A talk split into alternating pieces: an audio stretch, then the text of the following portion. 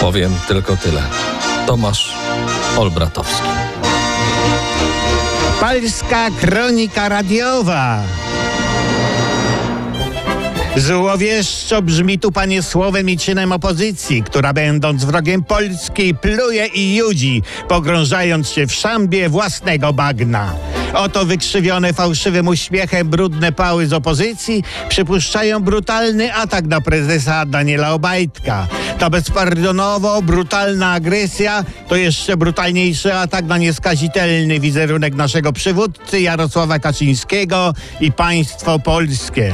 Dlaczego te sukinsyny z opozycji atakują Daniela Obajtka, pyta naród. A dlatego, że jest im niewzdegenerowany smak, że prezes Obajtek ma zostać premierem, który dobrą zmianę wzniesie na szczyty jeszcze lepszych zmian. Sam pan prezes Kaczyński powiedział o nim, ma coś takiego, co daje Pan Bóg i to trudno zdefiniować.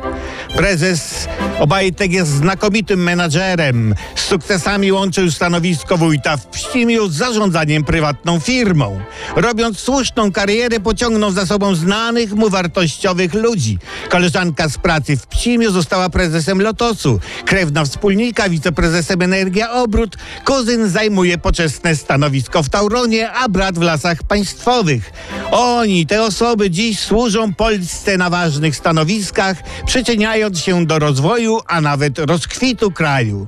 Prezes Obajtek z sukcesem posługuje się męskim językiem, zrozumiałym dla szarego obywatela. I takiego człowieka się kala. Te suksyny, brudne pały z opozycji wkłają naród, ale co mamy robić do wuja Trypla? Wiemy, co mamy robić i to robimy. Artykułujemy nasze gromkie nie.